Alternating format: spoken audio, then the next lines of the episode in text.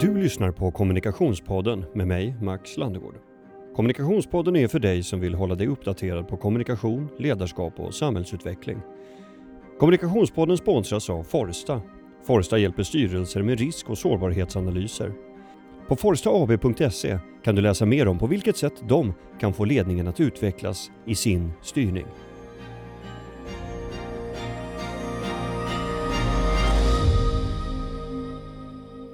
Hur kan man driva framgångsrik kommunikation på ett sjukhus? T tänk på det här en vända. Sjukhus har ju beskrivits som ett slags fabrik ibland, där mycket flyter enligt fasta rutiner och ett löpande band.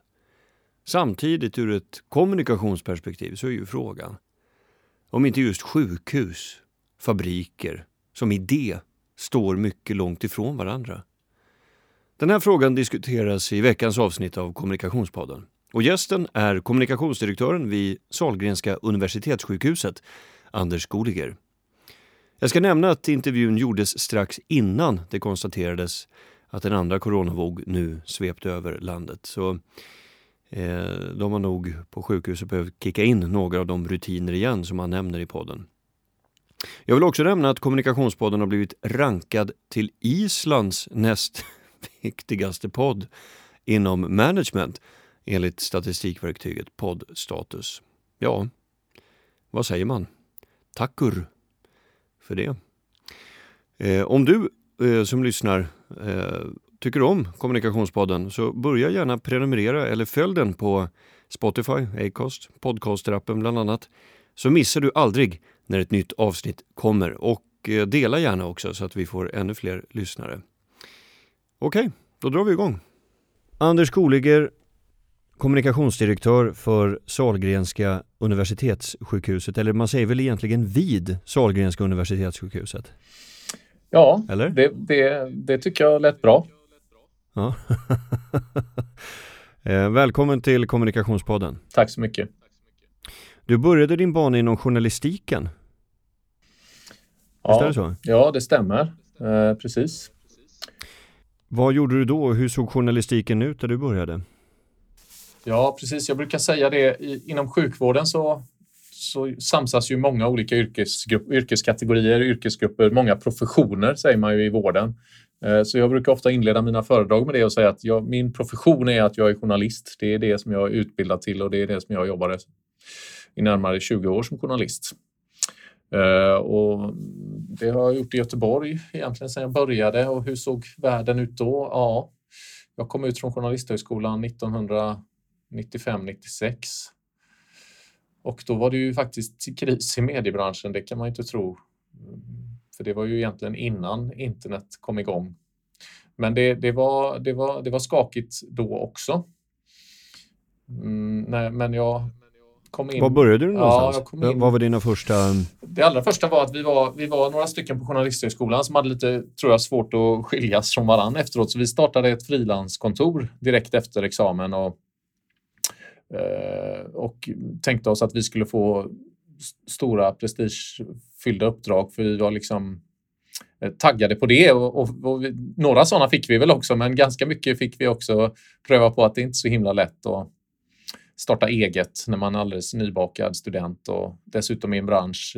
Det, det var inga jättefrilansarvoden på den tiden heller. Det är ju en fråga idag. Heller, med, nej. Men eh, men de står nog kvar på precis samma nivå som ja, de gjorde då? kan vara så. Det kan vara så. Ehm, men och sen så var det väl också, ja, det var ju, vi var ju unga så det var klart det var mycket, det var roliga fester och det, det var liksom också det mycket att vi hade, det var en rolig tid. Men, men liksom allt eftersom, det var väl ett par år där så, så blev det väl så att de flesta av oss på den där frilansfabriken som vi kallar det, vi blev uppsugna på olika arbetsplatser och själv hamnade jag på Göteborgs-Posten. Mm. Eh, och därefter, Hur länge var du på GP då? Ja, först var jag på det här som var deras lokaltidningar som de hade då. Det var väl lite någon föregångare till Mitt i, heter det ju idag, eller Direktpress. Um, så det var mitt första fasta jobb i journalistiken vid 98. 90, 97 kanske.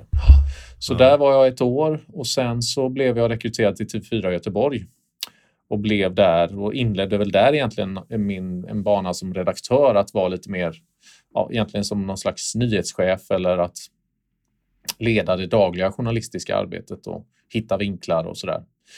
Så TV4 Göteborg, där var jag ett par år eh, och jobbade tillsammans med Nils Hansson som sen var på Uppdrag granskning i en massa år. Just det. det var en... Är han inte kvar där längre? Nu är han pensionär tror jag, eller i alla fall mm. inte kvar på Uppdrag granskning. Just det. Eh. Han var väl ansvarig utgivare på Uppdrag granskning? Absolut. Han är ju liksom Mr granskande journalistik så. I... Exakt, Mr UG. Men, Personen du minst av allt skulle vilja ha telefonsamtal till i din nuvarande roll va? Nej, fast det håller jag inte riktigt med om ändå, utan jag, jag tycker ju att journalistiken och den granskande journalistiken bidrar till mycket bra. Uh, uh, det, så är det. Sen är det klart, det kanske inte alltid är det lättaste samtalet eller uh, det roligaste heller, utan det ställer krav på oss. Men i grunden är det ju positivt att offentlig sektor granskas. Det, den hållningen måste man ha i mitt jobb vi kan bara titta på nu, nu nu är väl den historien inte, jag, jag, kan inte döma av matchen så att säga, vad är korrekt och vad är inte korrekt, men vi kan ju se bara i en region söder om oss så har man ju stoppat en stor upphandling av ett eh, vårdsystem som ju handlar om hundratals miljoner efter att Uppdrag mm. granskning har tittat närmare på vad innehåller det egentligen. Och, och om, om om det stämmer så har de ju gjort skattebetalarna och, och sjukvården en tjänst. Liksom. Det är ju det perspektivet man måste ha. Mm. Eh, sen är det inte lätt ja, det att ta en ansvarsintervju. Det är det inte för medarbetarna på sjukhuset här eller för mig heller. Men, eh, men deras roll är viktig. Efter ett antal år då inom journalistiken så väljer du att växla till byråvärlden. vilken byrå jobbade du på? Ja, då hade jag ju varit på Göteborgs-Posten i många herrans år. Det var ju där jag var allra flest år egentligen som eh, biträdande nyhetschef först och sen eh, nyhetschef och redaktionschef och ställföreträdande utgivare de sista fem sex åren. Mm, och i den rollen så Alltså jag var ju väldigt mycket liksom journalistiken. Jag brann för det och var väldigt engagerad i den här rollen liksom, i samhället som någon sorts städpatrull i samhället och avslöja missförhållanden. Och det, det tycker jag fortfarande är lika viktigt inom journalistiken. Men i min roll som ansvarig utgivare så var jag ofta den som fick sitta i telefon och ta emot samtal från de som vi hade granskat eller eh, som menade att vi hade fel i tidningen och oftast hade de väl in, inte rätt kanske, men ibland hade de rätt. Och, och det satte väl igång liksom någon sorts process hos mig det här att är det så enkelt? Är världen så enkel? Eh, jag menar, som nyhetschef är ju rollen väldigt mycket att driva, det ska vara, allt ska vara sant och det är det också i, de, i tidningarna. Det vågar jag nog påstå. Liksom det här med fake news, det, det gäller inte för gammelmedia. Det är sant, men är det hela sanningen? Det är väl den funderingen började liksom slå rot hos mig lite grann och jag kanske har ägnat mycket av min journalistbana åt att liksom mejsla fram en vinkel, spetsig och vass, all, sann, absolut, men liksom har det ambitionen att fånga någon helhet eller liksom vad... Och, och, när jag, ja, så det där började väl liksom... Tyckte du att eh, journalistiken var för snuttig alltså? Att det, man, man vinklade för hårt eller vad, vad menar du? Nej, jag menar väl att jag var ju själv en av de som bidrog till att det ju ligger ju i journalistikens hela kärna att du, du skär ut en bit av, av verkligheten och presenterar den. Eh, och den ska absolut vara sann, men den gör heller inte anspråk på att vara hela sanningen. Eh, hela sanningen, det, den är liksom alltid otroligt komplex och då lämnar det liksom nästan journalistik. Då blir det forskning eller det blir någonting annat, litteratur. Eh, sen är god journalistik ger ju liksom flera sidor av myntet och komplicerar en fråga och så, men i grunden, i kärnan handlar det om att, att mejsla fram någonting ur verkligheten för att göra det begripligt och tillgängligt.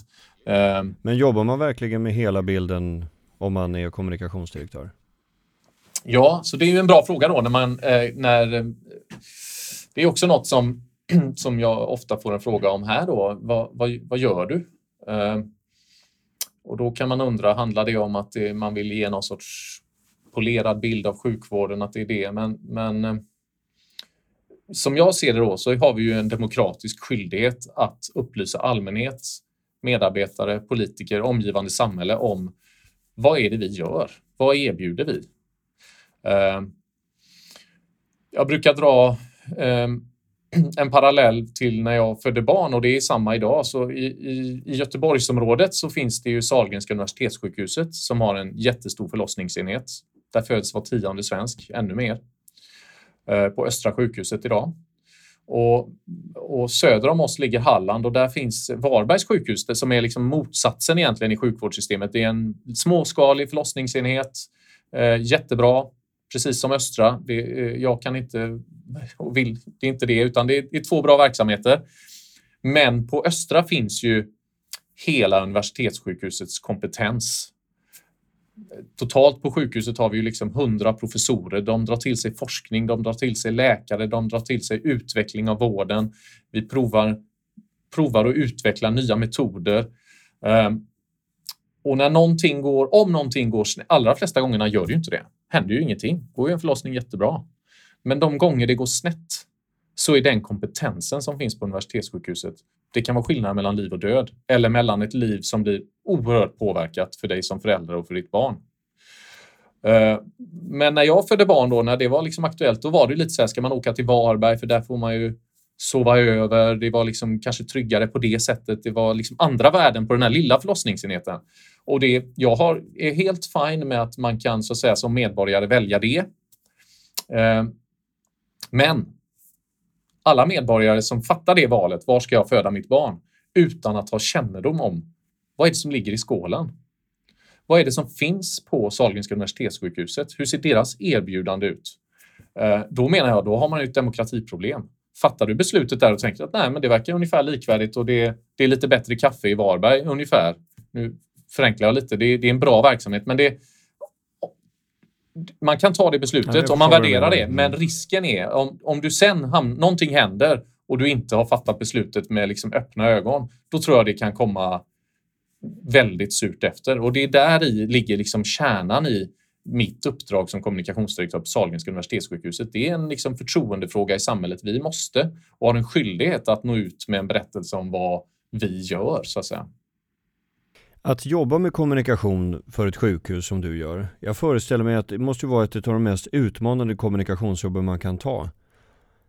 Till exempel då att man har eh, väldigt autonoma eh, personer som till exempel Anders, Agnes Wold. Hon har, är ju nästan som ett eget mediehus med tanke på hur mycket hon syns och kanalerna hon använder. Eh, finns det några saker som gjorde att du tvekade inför att du skulle börja? Ja, det, det, det gör mig lite glad att säga att det är ett av de svåraste jobben, för jag tror... Det, jag, har, jag kan inte bedöma det riktigt, men, men eh, det är förmodligen ett av de svårare, det tror jag faktiskt. Samtidigt är det ju så oerhört intressant och stimulerande miljö att, att få finnas i och att arbeta med kommunikation i. Um, jag, jag jämför ibland en diskussion med stora börsbolag eller vi har ju Volvo här i stan till exempel och, och jag kan, när jag utbyter erfarenheter så med kollegor så så kan det ju vara så att om, om en, en vd på ett börsbolag står och säger någonting på förmiddagen så, är det ju, så kan man gå in på fabriken i Sao Paulo på eftermiddagen och de upprepar ungefär samma sak, att nu är det det här som gäller. Eh, och, och, och, vården är ju precis tvärtom. Eh, på vilket sätt då menar du? Därför att här, här går det inte att styra på det sättet. Det är, Eh, ibland hör man att vården är en hierarkisk organisation och det, kan, det, är säkert en perspektivfråga. Det kan det väl också upplevas som, men i, i stort så är det ju så att hela värdet skapas ju hela tiden längst ut av de som är i kärnverksamheten i vården. Och det är där så att säga. Det är där kostnaderna genereras. Det är där liksom värdet till patienterna skapas. Eh, så man kan inte ha en styrmodell som bygger på liksom att riktigt tesakt gäller så eller, eller folk köper inte riktigt utan man måste engagera medarbetare att de gör rätt sak för att det är rätt sak. Inte för att någon har sagt det. Eh, så om, om vi har en, en bilvarutillverkares direktör som säger att nu ska vi göra backspeglarna på det här sättet. Då säger alla ja chefen. Och går man till sjukhuset och motsvarande direktör säger att nu ska vi börja skriva in eh, patienter i det här nya systemet så säger man fuck off, vi måste vara med och bestämma om det här. Eller? Alltså det är en, det är en sjukt stor förenkling skulle jag nog vilja säga. Men, men eh, jag har en, en, en god vän som är forskare på Chalmers kring just liksom förändring i, i stora organisationer. Och han brukar visa en bild som består, liksom om du tänker dig ett träd, två typer av organisationer. där kanske en, en tillverkningsindustri till exempel, det har ett enormt liksom, rottråd, liksom, ett stort nätverk under jord där man liksom egentligen plockar ihop bilen eller man, gör, man skapar det som är och sen ovan jord är det egentligen ganska lite som syns. Där ser du liksom reklamkanalerna, bilen, försäljningen. Men väldigt många av de som jobbar i organisationen de träffar ju aldrig den som i slutändan ska stå för fiolerna. Eh, sjukvården eller den här professionella organisationen, den är ju rakt motsatt egentligen. Där är det ju ute i kapillärerna hela tiden, varje sekund här och nu skapas ju varumärket Sahlgrenska universitetssjukhuset. Det händer ju inte för att du och jag sitter och pratar här, utan det sker ju i tusentals patientmöten just nu. Eh, och det gör det påverkar väl liksom vilken, hur, hur man måste arbeta med att leda en sån verksamhet. Där då, Men för mig som kommunikatör, som att... hinner jag komma in på ja. det bara? För där mm. kommunikationens roll i en organisation som Sahlgrenska universitetssjukhuset, det blir ju väldigt mycket. Kan vi bidra till en god dialog mellan liksom ledning och det här längst där ute. Dels för att få upp liksom, vad är det som behövs nu? Behövs det det här systemet där man skriver in något som du säger? Eller behövs mm. det inte? Eh, men också för att få ett flöde till andra hållet, att man får, får liksom en, en förtroendefull dialog. Vi pratar om det som det här glappet och det finns ju ett glapp i alla organisationer jag har jobbat i liksom mellan ledning och golvet och så vidare. Och ju mer vi kan liksom skapa ökad förståelse och arenor för en dialog eh, där man, liksom, ja, man har olika perspektiv och olika roller, men ju större förståelse vi kan bidra till att skapa, desto bättre. Men jag tänker, är, är, det då, är det därför som jag har nu tänker jag högt här, men är det därför som jag eh, har slagits av känslan att det här är ett av de mest svåra kommunikationsjobben man kan ha? Eftersom det är den första linjens medarbetare som känner att det är de som äger produkten. De äger erbjudandet och ingen annan. Precis som man kan, eh, man har sett eh, till exempel när polisen skulle slås ihop och bli en enda myndighet. Eh, vid lönerevisionsdiskussioner till exempel, då går ju poliserna själva ut och kritiserar det. Jag tycker ingenting om att de faktiskt gör det. Jag tycker att det är bra att, att det finns människor som ger utrymme för att man tycker olika. Det, det handlar inte om det, men att ur ett kommunikationsperspektiv så måste väl det är, är, det, är det där som är det svåra så att säga? Att det är den första linjens medarbetare som känner att vi äger frågan. Och alla andra som inte är patientnära, de ska vara ett stöd, punkt. Ja, det ligger väl en del i det också kan jag tycka. Men det, så det är, en, det är en aspekt av det, ja.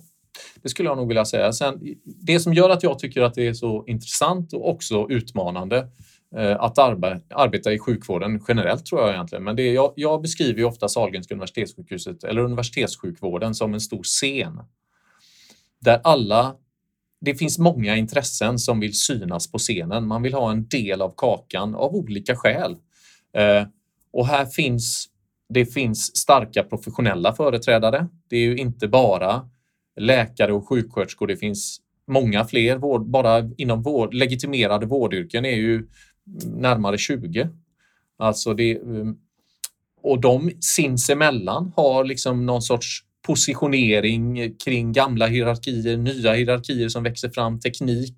Är det, är det självklart längre vem som ska utföra vissa arbetsuppgifter? Här finns liksom professionerna emellan. En, ett olika spänningsfält. Sen har du forskningen var du inne på. Det finns starka akademier knutna till universitetssjukhusen där enskilda forskare eller forskningsinriktningar, man kan tycka att medel borde satsas si eller så. Man kan tycka att behandlingar, enskilda behandlingar borde vara si eller så. Det kan ju vara alltifrån att en enskild läkare går ut i media och tycker att vi måste stå för den här mycket kostsamma behandlingen för det är rätt för min patient. Eh, samtidigt som då sjukhuset har liksom ett budgetansvar för att få ihop hela läkemedelsbudgeten. Det är en del av, real, så ser det ut, verkligheten på ett, på ett sjukhus. Ja, men alltså men, men, jag tänker ledningskommunikationen, att försöka få medarbetare att göra, det finns ju en massa saker som reglerar sjukhusverksamheten, eh, givet såklart. Alltså, en del är ju lagstiftning, en annan del kanske är verksamhetsutveckling, vi har en budget att förhålla oss till och så vidare. Eh, så det finns ju en massa olika faktorer som gör att man ändå måste få, i det här fallet som vi pratar om nu, medarbetare att, att gå den vägen som ledningen vill. Mitt intryck är att, att det är väldigt svårt att få nu, nu pratar jag bara utifrån ett mediekonsumentperspektiv om hur vårdfrågor har diskuterats från arbetsgivar arbetstagarperspektivet. Så att eh, det finns väldigt många luckor som du gärna får fylla i. Men det känns bara som en otroligt svår eh, eh medarbetarskara att få nöjd. Där man dessutom eh, känner att så här, vi vill vara patientnära, vi har inte tid att göra någonting annat, men vi vill ha mandat i precis alla frågor och vill tycka till om allting, men vi har inte tid att ta ansvar för att göra ut det så att säga. Nej, och det, ibland tänker jag att jag, jag Många frågar också det, då liksom, det måste vara en himla skillnad. Du har varit journalist hela livet och det är det jag säger att det är egentligen oerhört likt att vara eh, nyhetschef på en stor tidning till exempel. För att det, det, är, det, det, finns en stor yrkesstolthet. Man driver frågor med liksom, ofta stor liksom, intellektuell höjd. Det, det är liksom, mm, och man kanske inte alltid liksom tycker att arbetsgivaren är så att säga det, det bästa sen skivat bröd, men man har en otrolig lojalitet till saken, till frågan, till sitt yrke och så. Och, och det är klart som, som arbetsgivare måste ju vi liksom liksom släppa loss den kraften och energin. Det är ju den enda vägen framåt. Det finns, ingen annan, finns inget annat sätt. Eh, och det finns ju många goda exempel. Så när du pratar om mediebilden så det är en annan sån här viktig fråga jag får. Det, det, och det säger också många internt till mig att det, det skrivs så mycket dåligt om vården fast vi gör så mycket bra. Uh, och till att börja med så skulle jag vilja säga, ja, sy, så ber jag dem säga, men syna korten. Stämmer det? Och vi mäter och följer och det skrivs faktiskt väldigt mycket bra om vården också. Så att den där bilden är, den är också lite falsk att det är så mycket krisrubriker och krigsrubriker om vården. Det finns också. Men det skrivs också otroligt mycket om all den magi som pågår i sjukvården hela tiden och jag tror man gör sig liksom till eh, ja, man, man är medskapare till en bild som inte riktigt är sann om man, om man köper det här att det står. Det, det har blivit en, liksom en, någon sorts etablerad sanning som tål att granskas menar jag då. Mm. Kanske bara för att jag eh, befinner mig nära Karolinska. Kanske därför jag tycker att det skrivs så illa om vården. Och inte nära Sahlgrenska. Ja, men det även Karolinska universitetssjukhuset har ju liksom enorma framgångar forskningsmässigt. Eh, mm. så, så det, det, jag brukar säga det, bilden av vården är kluven. Ja. Det, det är så är det, det är. det en orättvis bild menar du alltså? Nej, men den är kluven. Det, det finns både den här bilden av att det är ineffektivt, att det är det finns liksom starka fackliga företrädare, medarbetare som, som liksom driver det här kring lönefrågor och så vidare. Arbetsvillkor över, överlag. Eh, sen har vi den andra bilden som är liksom att våra medicinska resultat är i världsklass. Vi har en, en, en cancerkirurg här. Han brukar säga att, att om, om cancer vore en OS, om, om det vore OS i cancer så skulle Sverige stå på prispallen i varje gren. Det tycker jag är ganska talande. Och det är lätt att glömma bort. Um, men ehm, så, och det, å andra sidan kommer det också fram ofta, så att det, det, det är hela tiden den här kluvenheten. Och det är något som vi, apropå liksom ledningskommunikation och överhuvudtaget hur, hur ett sjukhus som Sahlgrenska universitetssjukhuset kommunicerar och också en av dina inledande frågor att det går inte att komma i vården med en enbart någon sorts glättad bild utan vi måste hela tiden bottna i liksom att det finns flera beskrivningar av eh, nuläget i vården och de kan vara sanna samtidigt. Det måste man liksom förhålla sig till. Mm. Alltså, du, du var ju inne på det här med, vad sa du, mötesplatser. Öppna för dialog. Alltså, jag, jag, tänker, hur får du med dig medarbetare på tåget då? Om det finns något, om vi pratar ledningskommunikation, man, man måste implementera ett nytt arbetssätt eller vi, vi kan vara antingen hypotetiska eller utifrån ett case som du har.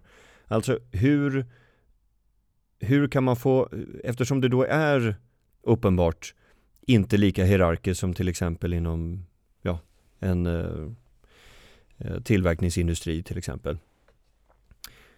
Hur, hur får man folk att gå åt ett håll?